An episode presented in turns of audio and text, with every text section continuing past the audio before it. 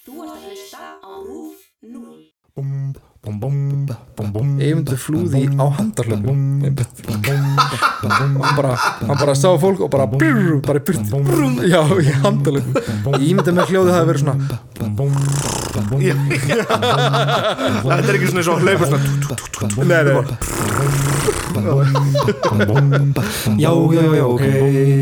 Já, já, já, ok. Já, ok. Já, ok. Hvað? Æ, ég veit ekki, ég ætlaði að syngja Ég ætlaði að syngja þannig Give me, give me love. Give me, give me love. Give me, give me love Give me love. When I'm gone. Það er svo eitthvað svona mellow stemning rigning úti Já, í börnáti við í börnátti já. Við erum í smá börnátti og það séu satt sko.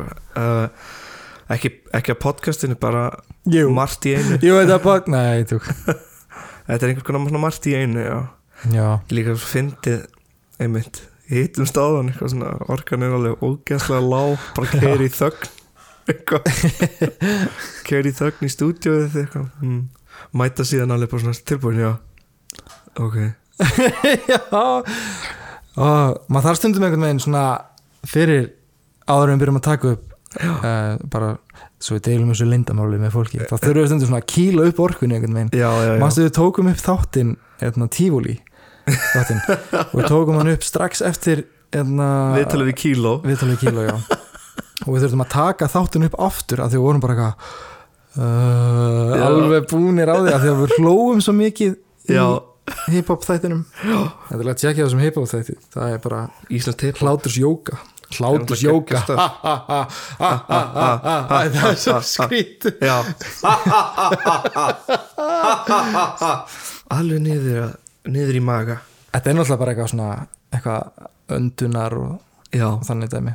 Þetta er miklu meira þannig Samt líka eitthvað svona andlegt Þetta er líka mjög mikið eitthvað Fyrir andlegu hliðina laga það. Ég, sko, ég sá bara einhverja bók í Emundsson Mm. um hlátursjóka.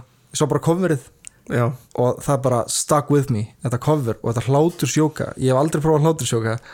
Skrítið hvernig sömur hlutir svona sitja eftir brennimertir í heilan. Hlátursjóka hlátur wow, I'd be weird like that. Við erum okkar Kári er hérna kennari, lærður kennari í hlátursjóka. Er það? Er við að sjá? ok, með fyrstiklegan Já, með fyrstiklefan Hérna, já, um, Árni Árni Harðars hlustandi og, og sjóari og sögur sérfæringur með Já, en það já. heyrði í mér líka í vikunni. Ok, ringdi í mig, svona, sagði mig fullt af sögum sko, hann var alveg með nót til þess að tala um þannig já, að maður skrifur þetta allt niður auðvitað. Og hann til dæmis um Lúðvík Davíðs uh, kaffibætirinn já já, ég veit að rauðkann sem var notuð í dósunum var notuð sem uh, kynnalit já, einmitt, já, svo kartöflum er líka notað sem púður. Já. og það er líka að fara svo sögur- líka kúahland notað sem glans í hárið. Er það? já, ég hef heyrt þetta. Gafu oh my god. Og Vá, heyrðu ísk Já, þetta er Þetta Þessi stóru hundra ára gamall þessi stóll. Sæll. og hann sagði mér lí- sko það er líka þekkt saga því þegar strákur eru að dansa með stelpu og þeir eru svona frekar nálagt saman. Aha. og hún spyr hann hvort það sé með Lúðvík Davíð í fasanum til að geta sett þessu kynna Nei, Nei. Þeir eru dansaskilur mjög nálagt er. Ah, Já, já, já Alltaf já. æstur og hann spyr. Þetta þetta er eins og en að segja er- Ertu með vasaljós eða ertu bara svona spenntur að sjá mig. Eða ertu með Lúðvík í vasanum spyr þið, ertu með Lúðvík Davíð í ná. Já, svo er náttúrulega er Árni búin að gefa svona fullt af karakterum og talaði um þannig að ruslahaugana sem Pétur Hoffmann var í oft að leita eftir málmum einmitt. Þá voru það kvalluð stundum gullströndin og menn áttu svona sitt pláss í, fjör, í fjörunni sko til þess að leita þannig að þú varst með þitt eigið svona svæði.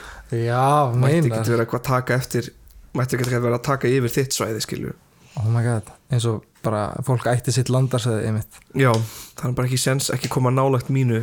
Já. Hennar að ruslahauga gullströndina gullstrandarsvæði. Að það var svo mikið af alls konar dótið sem kom hana. Nývapör og skarkripur og, Já, ég meina maðurinn náði ekki að gera fullt af peningum þannig að slá fullt af mynd upp úr þessum málmum fyndið. Ég var náttúrulega einn, einn Hoffmanns peningur já, Svo er ég líka uh, virkur meðlumur í svona myndsafnara grúpum ég þú byrjar að safna peningum. Ég byrja að safna seðlum og mynd. Ég safna líka peningum. Í bankabók. Já, ég kefti um daginn, kefti um daginn dýrasta peningi sem ég á sko, sem er þennan 6.000 króna sorry, ég safna ekki peningum inn á bankabók. Ég á enga peningum en Nei, við erum tveir listamenn og útarsmenn hjá Rúf þannig að það er ekki eitthvað líklegt að við séum eitthvað mega ríkir sko. Nei, eins og þetta, ég var fyrst í launin okkar. Já, eitthvað, ok allir eitthvað, ó þetta er ekki tálaun. Eitthvað, nei. Þetta er fyrir frekar láglegin með það sko, fólk er ekki alltaf eitthvað svona hvað er þetta nú mikið laun sem þú færið? Ég er eitthvað svona "Ah, upp á menningarlegu bankabókina þá já, já, já, maður læri svo mikið að lesa sögu. Það fyrir líka eftir í sko hversu mikla vinnum fólk er að setja í þættina. Fattaru, en, en það kemur ekkit fram einhvern veginn, þú veist, það er bara ta taksti já. En við höfum alltaf já gaman að þessu. Já. og það er náttúrulega ekki sens að við stoppum einhver tíma á næstunni. Nefnum verðum kannski reknir, ég veit það ekki. Þá mynd við kannski þurfa að stoppa en þá bara heldur stoppum partíið ekki fyrir einhver stoppar okkur Já, annars er þetta búin að vera Já, ég mitt svona uh, Erfið vika sko líka andlega Þú veist það bara umlegt veður Aftur mjög mörg smitt Og þetta er svona Þetta er alveg súrt að hlusta á gamla þætti Og við erum eitthvað, haha, COVID, eitthvað Koronavírusin, Já. svo bara seinna- já, Já, svo bara nokkur mánuð setna erum við mættir í út og bara Já, já, já, hérna, please, allir vera með grím já, einmitt ég, þetta, mér finnst þetta að vera svo close to home líka. Já. en, þú veist, Já. margir sem ég þekki eru komin í sótkví mm aðalega þá að því að einhver í skóla vektist og, og, börn þurfa að fara í sótkví og, Já, og hérna þá veist allt í góðu. Eða það sem ég finnst verst af þessu ef það er einhver svona smitskömm í gangi já, já, já. það er ekki gott. Nei, það eru allir að passa sig sko. Nefna kannski þau sem neita að vera með grímu Það er annað fólk. Já, einmitt, og það er líka bara, veist, hvernig fólk er að smitast, þú veist, þetta hefði, þú veist, maður veit aldrei, veist, það er alltaf að tala um eitthvað, þetta hefði bara alveg eins geta verið einhver pósi, fattar Já, þannig að að það sé einhver svona smitskömm, já það var enginn sem mætti gerir mig eitthvað. pyrraðan, sko, Já, eitthvað, Ég var á hann í röð hérna í sjoppu. Já, Fólk var ekki að halda einum metra og ég var alveg brjálar, ég var í síman með mömmu. Já, ég byrjaði bara að tala við hann á portugal sko, ég var bara, sver mamma, ég er að verða brjálar en Já, fólk já, heldur já. ekki einn metr ég er að verða kvikar, eitthvað skil bara svona á portugal sko, já, en eh, já, ég ætlaði að bæta einhverju ofan í þetta en þetta er, já, ég var hérna í sólkví með Katrínum daginn, já, einangrun eða ekki, þegar maður Jú, að því hún var að koma frá Danmörku, Já. já, einmitt, já, þannig vorum sex daga þannig í einangrun mm vorum í tvö próf já, og uh, byrjum að horfa á bróin já, Djöld, er þetta gott sjónvarp maður? Ok, ég verð að tjekka á þessu, Þetta er besta sjónvarp sem ég séð í ótrúlega langan tíma. Ah, nice, Ég er alveg sko, ég hætti líka ekki að tala um bróin Ég er bara, þú ert verður að sjá bróin þú veist með eitthvað man crush á einhverju leikara líka, Já, Kim Bodnia Kim Bodnia, Kim Bodnia Kim. Bodnia, Kim Bodnia Hann er einn sætur og flottur gauð sko. Líka ég horfa á hann Ég er eitthvað svona, kannski væri ekkert mál að missa hárið og, og, bara, og bara verða flottur á því sko. nei, nákvæmlega, Maður er alltaf svo hrættu að missa hárið Svo sé ég Kim Bodnia er eitthvað. Hann er bara sætur og flottur. Eitthvað svona Já.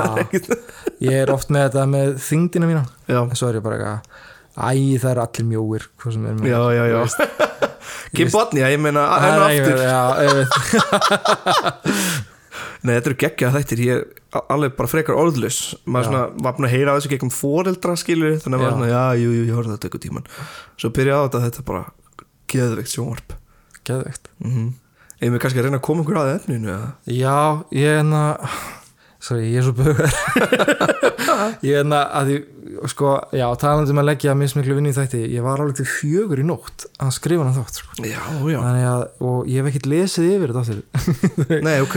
Uh, en ef eitthvað hljóma skringilega þá er það bara því ég var einhverju svefnmóki bara að, að skrifa. En já, mér langaði að tala um parið Eyvind Jónsson og, og Höllu Jónsdóttur. Ok. Sagt, já, bara vinafólk nei, Já. já, bara sem þú þekkir já, já, ég gegnum mömmu bara já, vorum bjóðum hann saman. Þau hérna voru að kaupa íbúð. Nei, þeir eru svo næs. Þeir eru svo næs. Nei hérna, Eyvindur og Halla, já, Eyvindur er kannski betur þekktur hjá þjóðunni sem fjalla Eyvindur. Já, ok og var þá hérna einn þekktasti innan gæsaleppa útilegu maður í Íslendingarsögunar já, eins og það kallaðist. Um, ég held ég verði bara aðeins að skýra hvað þetta orð þýðir. Uh, að því sko útilegu maður hefur alls ekki sömu merkingu og margir halda mm. allan í þetta skipti og þetta er raun og veru mjög neikvætt og niðrandi orð Mm. það það er ekki verið að tala um manneskið sem er að fara í útilegu og grilla Nei. fjallægundur var ekki að fara í útilegu til að grilla hann var þekktur fyrir að kunna grilla flipa Já. borgara sko, þetta var hann mjög þekktur fyrir það en já, en, en þetta skiptist því að senda uh, að þetta var manneskja sem var sendið í útlegð mm. og, og sagt, útskúfið úr samfélaginu já, og orðið úst, úti leiga líka það bara tíðir samkvæmt nútíma máls orðabók að liggja úti eða dvöli tjaldi út í náttúrunni mm. Uh, en þegar er verið að tala um útilegu menn í Íslandsögunni eins og, og Eyvind og Höllu þá var verið að meina fólk sem var einmitt útskófað og bjó í óbyggðum. Um, pínu eins og útilega. Pínu eins og útilega. Óbyðum bara. Já, ég fór einmitt að pæli líka bara hvort að veist, þessi orð útlegð og útilega tengdust eitthvað. Já, en uh, ég bara fann hins vegar ekkert svona almennlegt svar nei, einhvern veginn ok. og hérna ég þóri eiginlega ekki að fara með það. Sennilega ekki eða hvað, ég veit ekki, þú veist. Við bara ringjum í, í vinn okkar í ártanstofnun já, ég, ég, sko, ég spurði fullt af fólki og, og sumi voru bara eitthvað nei, eða mm, eh, og fólk var alveg óvíst einhvern veginn með þetta, en ég, ég held ekki sko, heldur ekki. Ég myndi giska ekki uh, í einhverjum spurningaþætti á rúf kapsmál eða eitthvað. Svo myndi ég greinlega tapa uh, allavega, uh, sko elsta refsistig íslenskara domstóla var útlegð. Mm. uh, og stundu kallað skóargangur og þessi lög komu bara mjög snemma eftir landnám og sennilega verið kend við mann að nafni Úlf Úlfljót. Úlfljót, Úlfljót Úlfljót, Úlfljót, Úlfljót Úlfljót útlegðsson já, eitthvað þannig já. Hann fann upp útileg hann fann upp útileg Já, hann þekkti Marco Polo mjög vel. Nei, en að sko fljótlega bara uh, upp úr svona árið 900 mm. það var að fara að huga og veist, þetta er bara fljótlega eftir landnám og að fara að huga mögulega að koma upp þingi.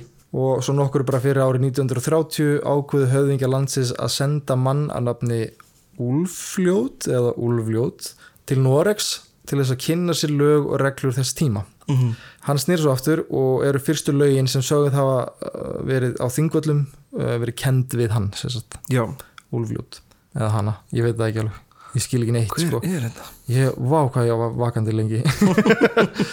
Uh, það var einn í lögum ef maður var segur fyrir eitthvað þá var hægt að að vinna einn sakleysi með því að drepa aðra þrjá sem voru segir fyrir eitthvað. Þannig að ef þú varst segur uh, þá gafstu bara tekið aðra þrjá sem voru segir, drepið þá og bara svona eins og varu búin að vega og veist, taka eins og er búin að laga það, það sem þú eitthvað svona með því að dreipa fólk. Já, já, uh, og, og það er alveg til sögur af fólki sem nýtti sér já, uh, eitthvað er bara alltaf breyta Eða lögin að dreipa fólk já, einmitt, já, einmitt. Þessi Alla- maður er mjög saklaus, hann draf 90 manns hann er mjög saklaus. Já, hann er mjög sag, hann draf, já, hann var sendur í útlegð en svo draf hann uh, tíu aðra sem voru í útlegð. Já, þannig hann má koma aftur. Hann má koma aftur að fræmja tvo glæpi. Já, já, já, hann á inni tvo glæpi. Tvo glæpi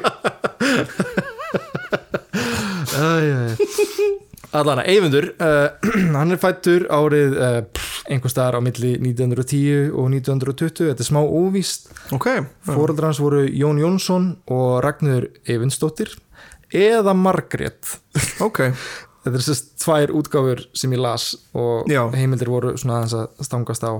En það er hægt að rekja ættafræði eigundar í Íslandingabók og þar stendur Ragnir þannig, og hans ég fættur þá 1914 líka. ok, að- ár fyrir heimastjórn Já, Já. Einmitt. Um, já, allir það sé ekki réttast líka. Veist það að Ragnir hafa verið mamman svo hann hefði fættur 1914. jú, sko, þetta er svo fyndið að maður byrjar að læra sögu eitthvað svona já, og þegar maður fattar hvað heimastjórn er nál er, er langt í burtu en samt einhvern veginn nálagt já, já, þá já. er maður bara alltaf svona mið, ég er alltaf að miða frá heimastjórn það er rúkslega fyndið eða 1800 Já. eitthvað þá erum ennþá mjög mikið undir dönum eða 1900 og 18 eða fyrir þá erum við svona alveg rétt svo að verða Íslendingar svona alveg Íslendingar eitthvað svona þetta er já, maður farin að meta út frá eitthvað svona alls konar ártölum. Þegar ég hugsa tilbaka í lífi mínu þá hugsaði ég alltaf svona í tímabilum hvaða kærust ég átti. Eitthvað svona, já þegar ég var með henni þá, þá var ég 23, 4, eitthvað svona þú veist, já, það var eitt tímabil og svo slitnaði upp á því sambandi og ég kynntist annari það er samt sko er svo kærustur og svona eru daldið það er tímabil. Fyrir kærustur og kærasta já, já, kærustur og kærasta. Já, sagt, það er svona, þetta ver, er svona maður er alltaf með þetta tímabil. Já, það er alltaf svona, þetta er alltaf geimt í eitthvað svona ákveðið hólf. Já, það byrjar og svo endar það og eitthvað nýtt tekur við já eitthvað nýtt tekur við, já, nákvæmlega. Uh, já, en allavega uh, semst Eyvindur uh, og hans félagsfélagi þau byggu í hlýð í Raunamannarrepp í Árnæsíslu mm og Eyvindur ólst upp með tíu sískinum og hann var elstur og þótti greindur ráðkætt og góður sundmaður og afafær í handarhlaupi það góður að hann dró undan fljótustu hestum og kom honum það oft að góðu gagni þegar hann þurfti að forða lífi sinu og honum var veitt eftirför. Ok, Sérst, hann flúði alltaf á handarhlaupum í stæðan fyrir að hlaupa. King. Þetta, þetta, já, þetta, þetta, ég sé fyrir mér eitthvað svona tölvuleika karakter já, eitthvað svona, þú ert að hlaupa Já. svo heldur inn í B já, og þá gerir hann handarhlaup og það bara raðar. Já, en svona hálgerðið Sonic bara. Já, já, já. Fólk hlýtti að vera skrýta að sjá hann í fjarska bara eitthvað svona, er það þessi gauð bara endalus handalöpi gauð að fara bara endalus að ringi bara. Já, einmitt, vá maður. En hérna, hvar var ég, já. En svo, já, einmitt uh, ég fann nefnilega lýsingu á hann líka frá Öxarþingi árið 1765 og það stendur, hann var grannvaksinn með stærri mönnum, útlimastór nær glóbjartur og hár sem er með liðum að neðan. Bólugrafin, tóinleittur nokkuð þykkari efri en neðrifur, mjúkmáll og geðþýður, hirtin og hreinlátur, reykir mikið tóbak, hæglátur í umgengni blíðmæltur og góður vinnumæður hagur á tre og járn lít lesandi óskrifandi raular oft fyrir munni sér rýmur erindi. Oftast afbakað það stúd þetta er, er ógst að hvað er mikið, ný, mikið, mikið lýsingar á þeim sem ég hef ekki heyrt notað í ára öld. Nei, oft fyrir munni sér rýmu erindi.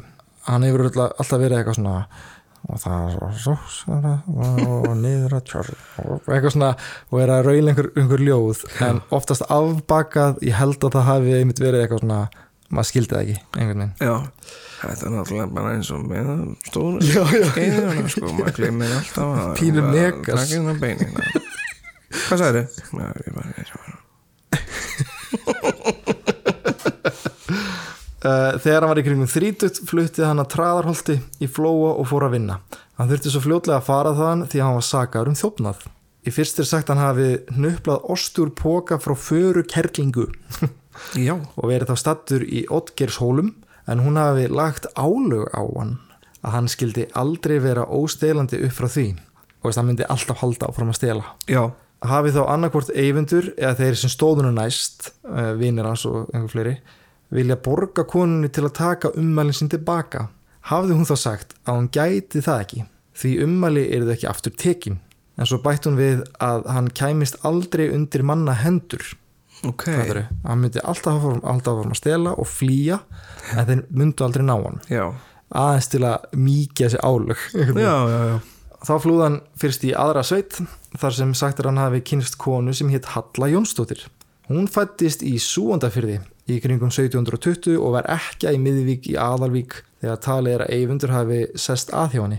Mm. Og ég las reynda líka að Eyvindur hafi brotið vistarbandið Ei, uh, sem var í sumum tilfellum á þeim tíma talin mikil sök.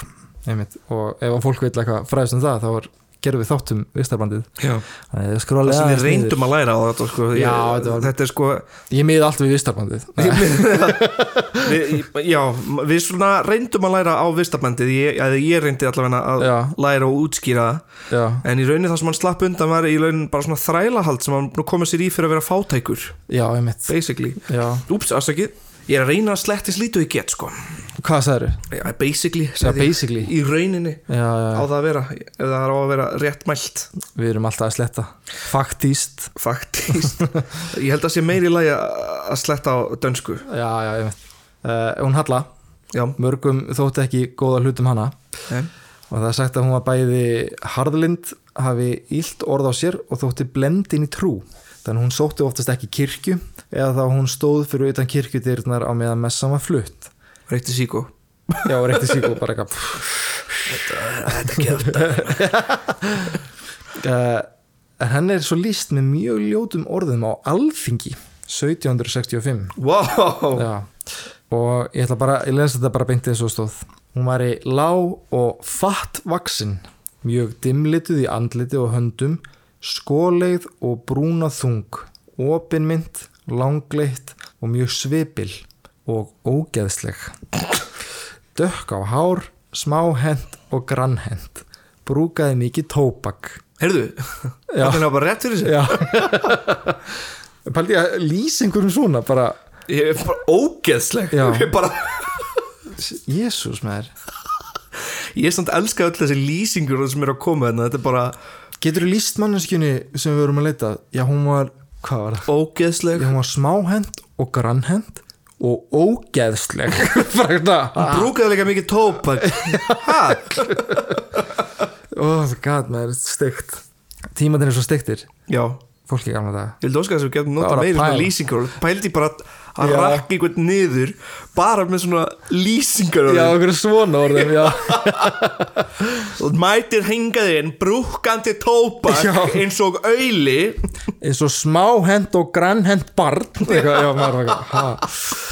Um, Herri, hvað er þau eyfundur að halla bjuggu, svo er óvitað.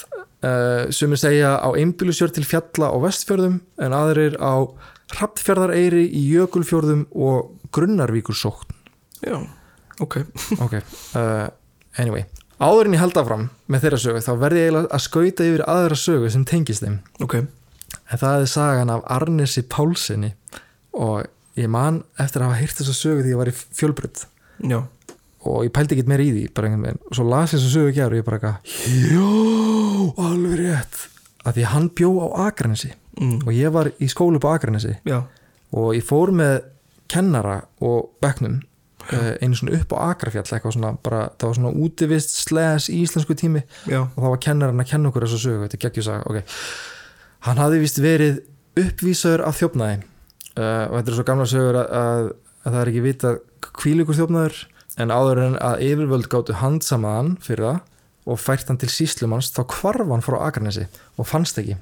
Síðan leið tíminn og það kom sumar þá fóru menn að taka eftir ímsum hlutum sem hefðu horfið á óútskýranlegan hátt við rætur Akrafjalls Nokkrir smalasveinar sem fóru upp á fjall snemma morgnana til að sækja kindurnar höfðu líka sagt að þeir heldu að þeir höfðu séð til einhvers þar uppi. Kom þá grunur að Arnes væri að fela sig þar, mm upp á fjalli. Eh, Fóru þá fólk og hrefstjórar frá sveitum í kring, meðal á leirasveitin, að sapna saman liði. Svo var ákveðið á næsta heiðskýri degi að fólk skildi fara upp á fjall frá öllum áttum til að finna Arnes og handsama hann. Var þá líka ákveðið að allir skildu klæðast háum hvítum sokkum og hvítri húfu svo auðvelt var að spotta Arnes og fjarska út frá öðrum leitarmönnum. Já, Mjög sniðut. Eins voru einhverjir sem ætluðu að býða niður eh, við fjallsrætnar á hestum ef hann skildi reyna að flýja. Þá getur þau tæklaði niður með hestunum. nice Leitadagurinn rann svo upp og 80 menn mættu með það í huga að handsama Arnes. Arnes vaknar snemma morguns og fer efst upp á fjallstindin. Sér hann þá menn koma ríðandi á hestum og alla leitamennina neðst í fjallinu með hvítar húfur og hvítar sokka. mm Og hann fattar strax hvað er í gangi. Nú voru góð ráð dýr, því hvorki átti Arnes hvíta sokka nýja hvíta húfu. Nei, Að hann var þá ekki úrræðalaus því hann átti hvíta skirtu og hann byrjar á því að rífa af henni ermarnar og bindir utan um höfuð á sér.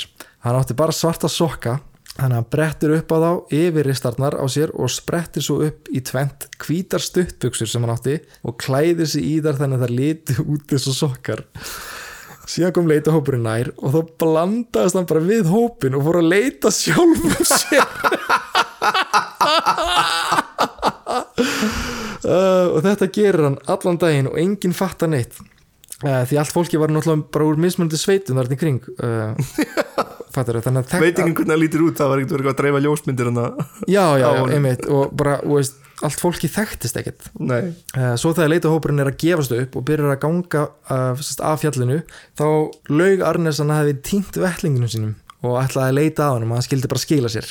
Já, og enginn eitthvað questionaði það og bara eitthvað, ok, allt eitthvað og þeir fara niður, Arnes verður eftir og hann gistir eina nótt í viðbótu upp á fjalli en svo næsta dag þorði hann ekki að vera lengur og ákvaða að flýja. Og málið er að hann vissi ekki alveg hvert hann vildi fara en hann hefði, hann hafði hyrt af Eyvind og Höllu mm uh, og lagði á stað bara til þeirra.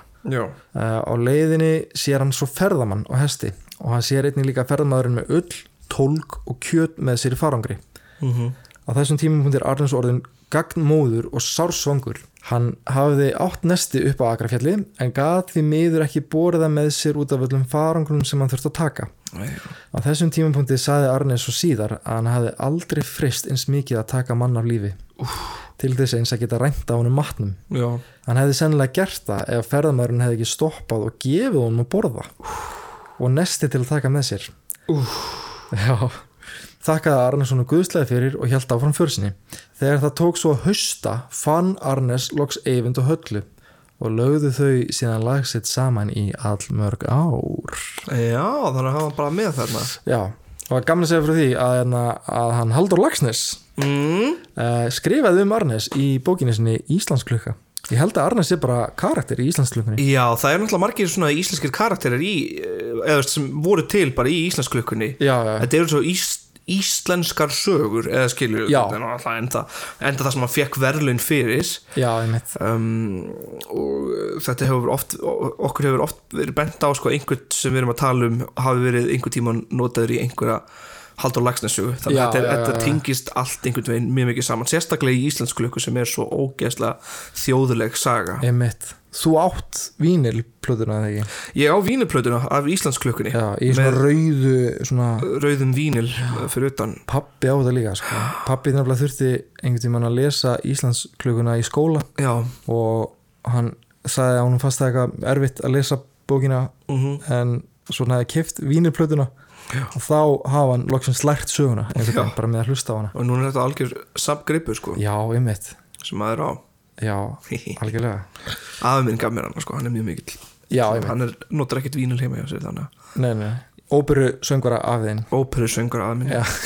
friðbjörn En uh, ok, aftur að fjalla Eyvindi uh, Þau búa þarna fjögur saman Eyvindur, Halla, Arnes og svo einhver sem heit Abraham og málið er að það er ekki alveg vita hver þessi Abraham var uh, hvort hann hefði bara verið þjófur líka sem hefði leitað sér skjólsæðum líkt og Arnes eða Já. hvort hann hefði verið sonur höllu.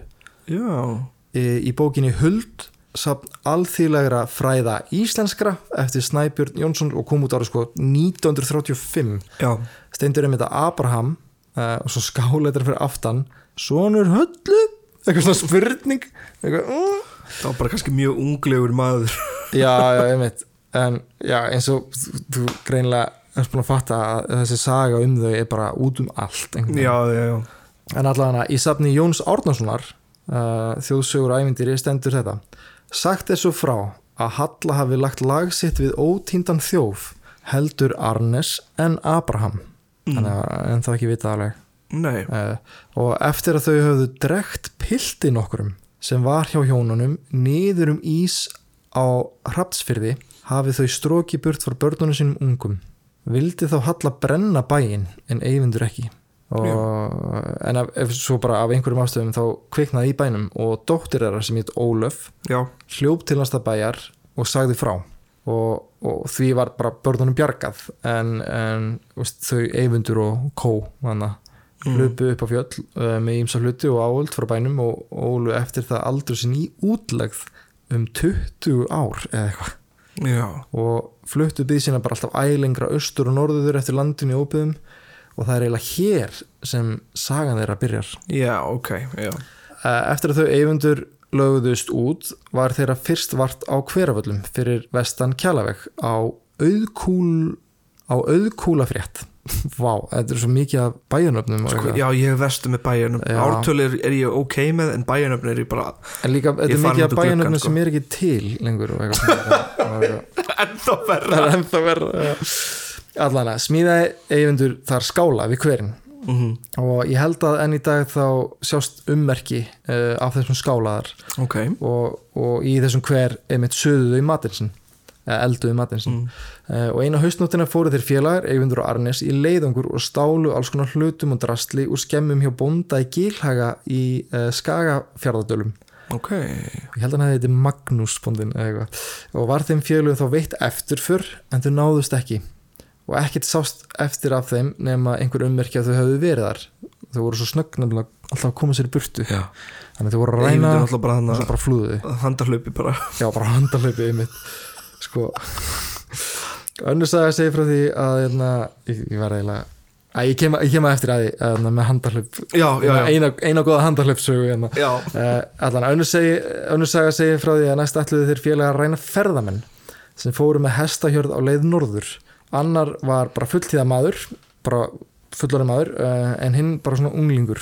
Mm. Maðurinn var svo hrættur að hann skalf og síndi enga mótvörn en pilturinn greip klaufhamar og sló í kinn Arnesar og kjálkabreytan og bar Arnes það merki síðan til döðadags já, bara með ör. Síðan sló pilturinn til Eyvindar en hann snýru undan og þeir Arnes báðir. Maðurinn og unglingurinn komist heilir til byggða. Ok, næs, þannig þeir náðu ekki að ræna það. Það er nú gott að heyra. Meðan þeir félagar voru á hveraföllum sendi Eyvindur Arnes einu sinni ofan í Skagfjörðadali að ná í sögð, veist, ná í kindur til matar.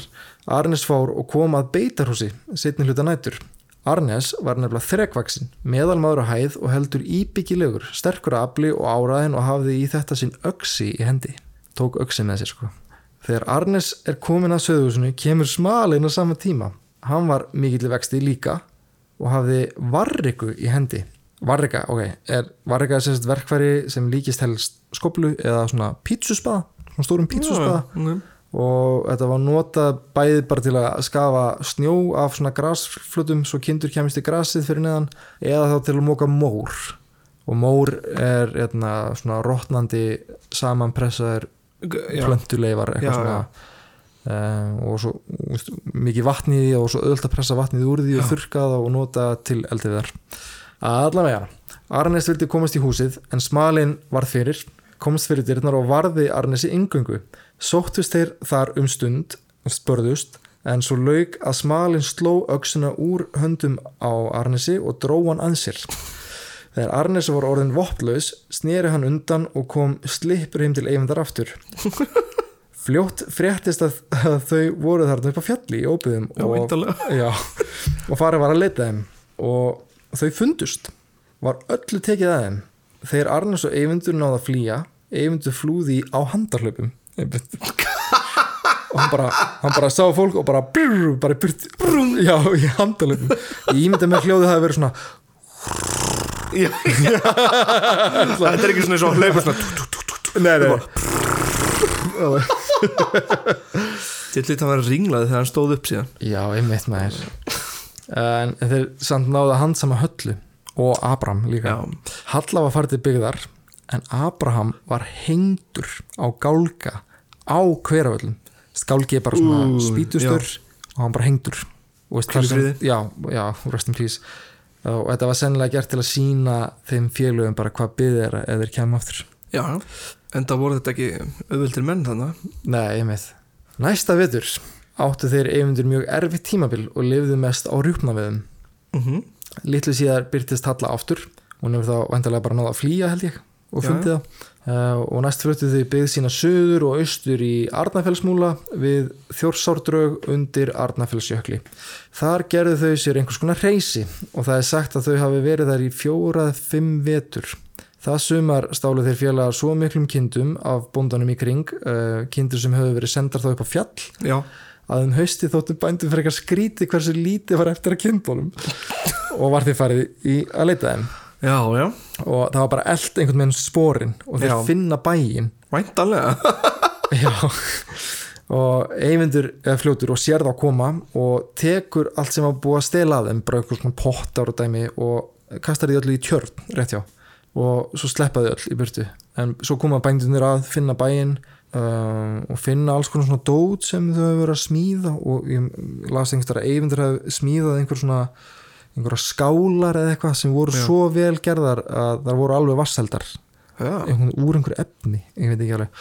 En þeir allavega bara, bara tóku, bænum tóku bara það sem gótu borið af, já, og kviktu svo bara í bænum og í restinni og lefði að brenna. Um, svo einmitt, ég veit ekki hvert þau flúðu uh, ég las einhvers staðar að, að þau hafa flúið eitthvað og, komið upp einhverjum, úst, einhverjum kofa einhvers staðar mhm, en ekki verið með aðstöðu til að elda og einhver tímann þá var Eyvindur að beða til Guðs og var að fara með faði vorið.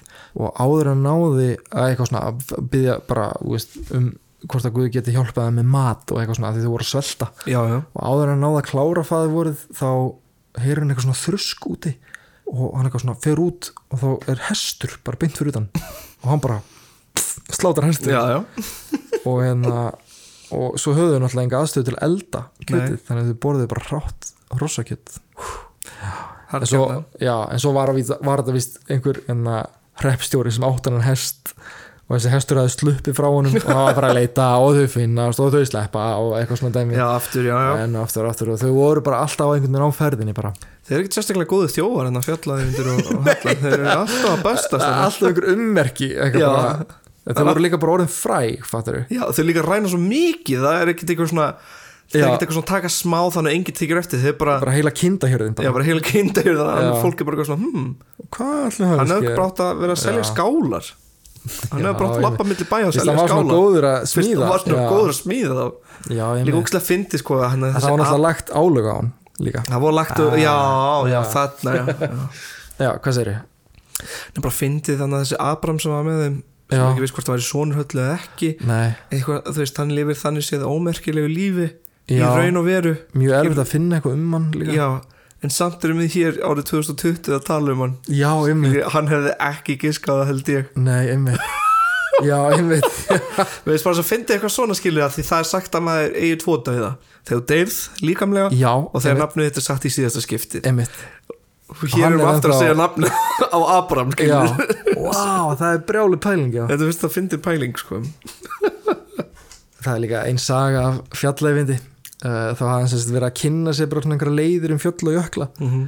og eitt skipti þá var hann að ganga upp á langjögul og kemur allt í einu að einhverju svona dal sem var svona allur grasvaksin og dalnum sá hann að uh, einhver maður var að reyka kindur undan sér. Já, já, og eigindur svona gengur til hans og heilsar honum og, og smalinn heilsaði á móti en heldur svona þurrlega. Mm uh, en það var samt greinlegt að, að smalinn þekkt hann ekki já.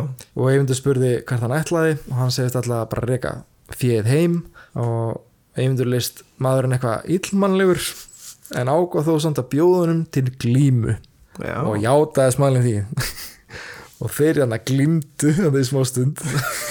Það er svo fyndið. Bara eitthvað random gæði bara ég skoraði glímu. Eitthvað, ok. Eitthvað. mm. og svo bara gera þér það. Og, veist, og Eyvindur fann að, að smalinn var fyrir eitthvað sterkur. Já, en það fór samt þannig að Eymundur náði að fella hann. Og þá stóð smalinn svona fljótt upp og sagði ekki myndir þú fella bróðum minn svo fljótt ef þið ættust við? Og þeir eru bara bestu vinnir en, en eftir það þá gengur saman heim.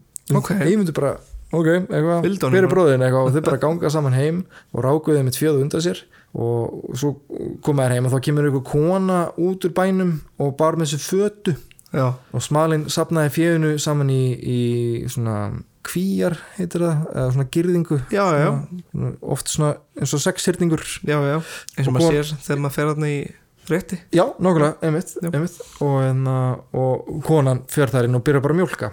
Og Eymundur hilsa konunni mm -hmm. en hún hilsar ekki tilbaka og eftir að smalinn fór svo bara inn þá bað Eymundur konuna sérst, hvort hún vildi ekki gefa sér mjólk fyrst hún var að mjólka að drekka. Og hún tekur tómafötu og mjólkar smá í henn á réttur honum. Og Eymundur skólar mjólkinni niður og þakkar svo stúlkunni fyrir og þá loks talaði stúlkan og sagði að bóndin var heima og tveir bræður smalans og ef þeir næðu honum myndi hann ekki sleppa. Þannig hún vissi greinlega hver hann var. Já, já, þess vegna vildi hún ekki tala við hann. Já. og e lítur þá eyfundur við og sér hvað þrýr menn komi bara hlaupandi frá bænum og stendur til hans. Og þá bara og hann bara tekur til fótana og byrjar að hlaupa brekkuna þvert upp úr dalnum. Já, og þegar hann var komin uh, alveg upp á dalbrúnina þá eru þeir bara að nálgast þannig þeir eru að hlaupa hraðar en hann. Og þá ákveður hann að taka fyrir eitthvað handahlaupið. Klassik og, og þegar mennirni sjá það veit að tveir þeirra honum eftirfyr á handahlaupum líka. Oh! Já, og hann bara en að þeir sínunum bara hvar Davíð kefti ölið. Já, nákvæmlega. En, já, en þriði eitthvað svona hann laði ekki alveg handahlaupið og snýri heim bara. Ég held bara bara heim. Og nú eltu þessi tveir Eyvind. En hann náði samt alltaf einhvern veginn að draga uh, æ lengra undan þeim eftir jöklunum þá til að hann komin að jökul sprungu og ekki viss hvort hann myndi ná yfir sprunguna stökkan samt yfir og náði hinn meginn ó, og, og var hann þá orðin þá móður að hann fleiði sér niður hinn meginn í eitthvað svona aðra sprungu sem Já, var já. minni eða eitthvað. Og, og meðan bara hann var að ná andanum og svo komu hinn í raðsprungunni og þeir þorðu ekki að stökkva yfir hana og snjöru við. Og þannig slapp eyfundur undan þeim. Úf típi svona hl- svona hoppa yfir stór einmitt. sprungu. Smá Mission Impossible já, hérna. já, já einmitt, sko, Eyvindur og Halla byggu allt sitt líf í óbyðum mm. og e, úst, ég veit ekki alveg hvað varð um Arnes eða hvort hann hafi einhvern tíma náðust eða ekki og það er heldur ekki að vita hvort að Eyvindur hafi einhvern tíma náðust uh, en ef svo þá náði hann alltaf að sleppa. Já, og það saman með Höllu, það verist eins og hún hafi náðust nokkrum sinnum líka. Já, já, já, en náði alltaf að sleppa. Og haft er það eftir Eyvind og Höllu að, en að þau hafa átt börn saman í útleginni já. Og ekki, örgulega ekki öðvöld Nei, einmitt, að því svo er nefnilega svo sorgarsaga að í hvers skipti sem þau þurft að flýja mm. uh, þá hafði hún Halla þurft að drepa börnin sín uh. svo þau gætu flúið og hérna saga segir að, að þetta var eitthvað sem Eyvindur hafði aldrei geta komið nálægt að og hérna mest hafi honum þótt fyrir að missa eitt barnið sem var stúlka komin á annað ár. Já. Og hétt held ég Tóta. Og höfðu þau alltaf að láta hann lifa. Mm og, hérna, og komu þá byggðamenn eitthvað, finna þau og byrja elda þau. Þannig þau forða sér en gátt ekki komið, tekið barnið með sér einhvern veginn. Það var eins og hérna, barnið væri að, að hæja á á að fæðuru og, hérna, og Halla hafði aðeins ráðurum þá til að fleia barninu fram að björgun. Og það er margar útgáður nefnilega af þessari sögu uh, og einnar helst er leikritið já, eftir Jóhann Sigurðansson þá syngur Halla ljóð í leikritinu þegar hún semst, kastar barninu já. fram með björg. Þegar ég sá það leikur held ég. Já, það, það er eftir það ljóð er eftir Jóhann Sigurðansson líka mm og heitir Sofðu unga ástin mín. Ah, nákvæmlega þarna kemur það sko. Ég ég, ég skil ekki af hverju þú veist, af, af hverju endilega að, að drepa barnið? Þarf að, þú veist, er það bara það mesta sem hægt er að þú veist, af hverju bara ekki já, skilja barnið eftir og leifa einhverjum þá bara, þú veist, ég veit ekki að taka Já, það barnið einmitt. eða, þú veist, já, einmitt. Ég veit ekki alveg sko, þessu sögur líka eru svo gamlar og þetta er bara sumt er ritað mm, uh, og svo kemur allt í hennu eitthvað annarit eða finnst annarit og þá stemmir það ekki alveg og eitthvað svona gæti verið að það hafi íkst Já. held ég þetta er samt skrítið sko. Fyrst þetta er þá svona mikið umtala þá hlýtur einhvern veginn að vera eitthvað, einhver sannleikur þarna. Já, þetta er bara skrítið að veist af hverju drepa barninu fyrir eitthvað í rauninu þá bara skilja það eftir? Já, þannig að byggðarmenn finna það og geta tekið til þeir náttúrulega er ekkert að fara að drepa barn sko. Nei, nei, einmitt já, þetta er alveg rétt. Þetta er ég bara, bara pælingsskilur ég náttúrulega veit ekki neitt sko ég verð ekkert að lífa þessum tíma. Nei, ég veit en veist, því meira sem ég las líka um þau og las einhverja svona bloggfærslur sem fólk var eitthvað að tjá sig um þau og eitthvað svona, þá komst ég að því líka að það er svo auðvelt að dæma þau fyrir að hafa verið vond fólk. Já, bæði fyrir þjófnað og hvað, hvað þau gerðu börnunum sinum sko og, nákvæmlega. og þetta var þó alltaf þeim ílt fyrir hjarta líka einhvern veginn. Já, já, já. og þau voru bara tengið að berjast fyrir lífi sinu Allt sitt líf. og ég veit hvort söguna séu sannar veit ég ekki en ég held að hafi ykst smá með tímanum. Ég, æ, samt, ég veit ekki, það er bara ég að segja það. Um, en margir hafa samt gaggrinn hvernig það var skrifað um þau. Uh, og alltaf vonda hafði verið einhvern veginn þvingað á þau. Og þú veist, þau voru send í útlæg fyrir það eitt að vera fátæk og fá einhver hjálp. Já, viðurnefnd sem útilegumenn og útskúfur samfélaginu jafnvel sko af mannvætt sem einhver skrimsli og hættuleg. Já, og eins og ég geri ofta áður þá fór ég að pæla eitthvað svona í mannkynnssögunni og hvernig, veist mann man finnst þetta alltaf svona tilheyra fortíðinni og maður vill ekki einhvern veginn játa ílsku nútímans. Mhm, og þá hvernig sagan er alltaf að endur taka sig. Já, veist, eins og bara að fela fjölskyldu frá yfirvöldum um, til að koma í veg fyrir að þau verið send úr landi og, og verða fyrir þá ómannlegri meðferð gott að svo saga endaði vel fattar já, algjörlega, algjörlega heppilega. uh, en það, það er bara svo brenglað finnst mér bara Þetta er það. Já, sérstaklega sko þetta er náttúrulega að tala um þetta núna sko ég er, ég er búin að vera líka einstaklega þreyttur út af því að ég tek ég tek alltaf slægin á Twitter sko. Já, já, og stundum verður það bara mikið skilur, ég fór upp í rúm í gæri og ég já. var bara búinn að því. Ég, er na, ég opnaði Twitter í dag ég er, er svo lélur á Twitter. Já, já, opnaði Twitter í dag og það er alltaf bara eitthvað svona, og kapli í einhverju svona samfélagssögunni sem ég misti af og ég er eitthvað, hvað er fólk að tala um eitthvað, Haltu kæfti já, allir brjálega Það er líka svona sum tímabil sem Twitter er meira sprengjusvað en önnur. Já. að bara svona, nenni ég á Twitter í dag eða ekki? Já, já, já. Það er stóra spurningin.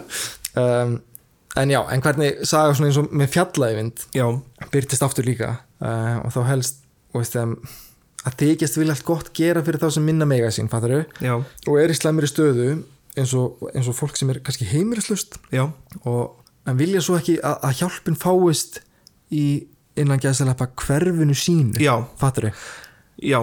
Um, uh, veist, þetta er svona Þetta þarf mikið að tala um sko. Ég alveg, alveg sniðgengt ákveðna staði já, fyrir að hafa talað gegn na, íbúður fyrir heimilislausa. Já, einmitt. Þannig að það er svo mjög staði sem ég fer ekki á lengur út og, og fólk er með eitthvað svona, þú veist segist vilja þetta, en bara ekki nálagt sér líka Já, og líka sko einu skiptin sem ég hef séð suma vera að berjast fyrir réttindi heimilislausara já, er þegar það er eitthvað annað á döfinni. Ef það er að vera að tala um flótamenn þá Já. kemur einn manneskja hvað með heimilislausu? Ó, þú vilt taka hann að bardaða núna Já, að því ekki séð, séð taka hann fyrir eða eftir þessar umræður og líka skilurðu? bara fólki sem er í forendastöðu að, hérna, að nýta sér þetta já, til að upphýfa sjálfa sig já, já, já. ah, ég var svo brjálaður sko Þa, það byrtist grein einhvern tímann Já. um, það sem stóða að fíkni efna neytandi hefði látist sem er bara ekki dannað en af mannvæðing að segja fíkni efna Fíkniefna neytandi. neytandi, frekar að segja bara manneskja hafi látist að völdum fíkni efna já, en það ekki, veist og svo líka bara, svo, náttúrulega svo stór misklingur af hverju fólk fetar þessa leið. Veist, það, það er alltaf efninu að kenna frekar en samfélaginu sem er bara ekki rétt, af því að samfélagið er að bregðast þessu fólki. Já, og þegar lífið er allt í henni bara orðið auðveldara á efnum því að fólk notar þetta að deyfa mm þá er efnið ekki vandamálið. Nei, yes, það er það ekki nefnilega. Já, sorry, mér langaði ég er búin að vera í smá tíma bara mér langaði að nýta þennan glugga hérna, Já, það er gott að- að nýta er hann, að, að, að tala um þetta. Um, mér langar held ég bara að enda þáttinn á bara sofðu unga ástíðin mín. Uh, að því mér finnst það rosalega fallegt líka uh, en rosalega creepy þegar maður kannski veit söguna baku þetta. Já, já, en það er samt mjög það er mjög fallegt ljóð já, það er það já Hei, og eitt yfirbútt, uh, Mhm. ef að fólk vil kannski fræðast meira um allt þetta sem ég var að predikara á þannig það Mhm. uh, þá mæli ég með bara að fólk kannski googli frú Ragnur Já. uh, og svo auðvitað bara Rauðukrossin og veist, ef þið þekkja eitthvað sem er í vandastattur eða, eða bara þið sjálf mm þá er alltaf hægt að ringja í hjálparsíma Rauðukrossins -hmm. sími 1717 og svo er ekki hægt að fá hjálp hjá mörgustöðum eins og stigamót já, Og já, ég hef sjálfur fengið hjálp hjá stigamót og einmitt. Og ef fólk vill hjálpa kannski einhvern annan hátt þá er mitt að setja uh, hjálpa peningarlega svona fyrirtæki eins og frú, frú Ragnur, já. frú Ragnir ég, ég held sko að, að, að það svo hugmynd sem er á bakvið frú Ragnur já, þyrfti einhvern veginn að vera hún þarf að stækka. Meiri opin, þarf, já, hún þarf að vera opin. Þetta er og í Portugal, það er búið að afglæpa væða fíknefni í Portugal Já. þannig að þú ert ekki handtekinn. Og yfirleitt eru margir bílar í gangi til dæmis í Lissabon og Porto uh, meina, þú veist, er, er þá ekki líka bara ef einhver hérna, tekur ofstóran skamt og er lífsættu Já, og það er ringt í sjúkrabíl já, þá kemur lögreglan ekki fyrst nei. til að gæta öryggi annara Nei, nei, nei, sem er svo mikið bull þetta er bara til að tefja Já, þetta er alveg fárlegt sko. Já. þetta hefur líka virkað bara mjög vel fyrir portugalst samfélag, fólk sem hefur náttúrulega já, verið tekið fyrir fíknefni eða lent slæmt í fíknefnum það Já. er þá yfirleitt sendt í bara mm, detox eða hvað heitir það? Já, svona afvötnun. Það er bara sendt í afvötnun eða þú veist það bara þeir fara í námskeiðir og reyna þá þá er reynd að sitja aftur í samfélagi og þetta hefur virkað mjög vel. Já, og þau fá hjálp í staðan fyrir að vera Í staðinn fyrir að skamma þér. glæpa stimpil einmitt nákvæmlega, nákvæmlega geggjað, endum á þessu lagi, já, takk fyrir mig. Takk fyrir mig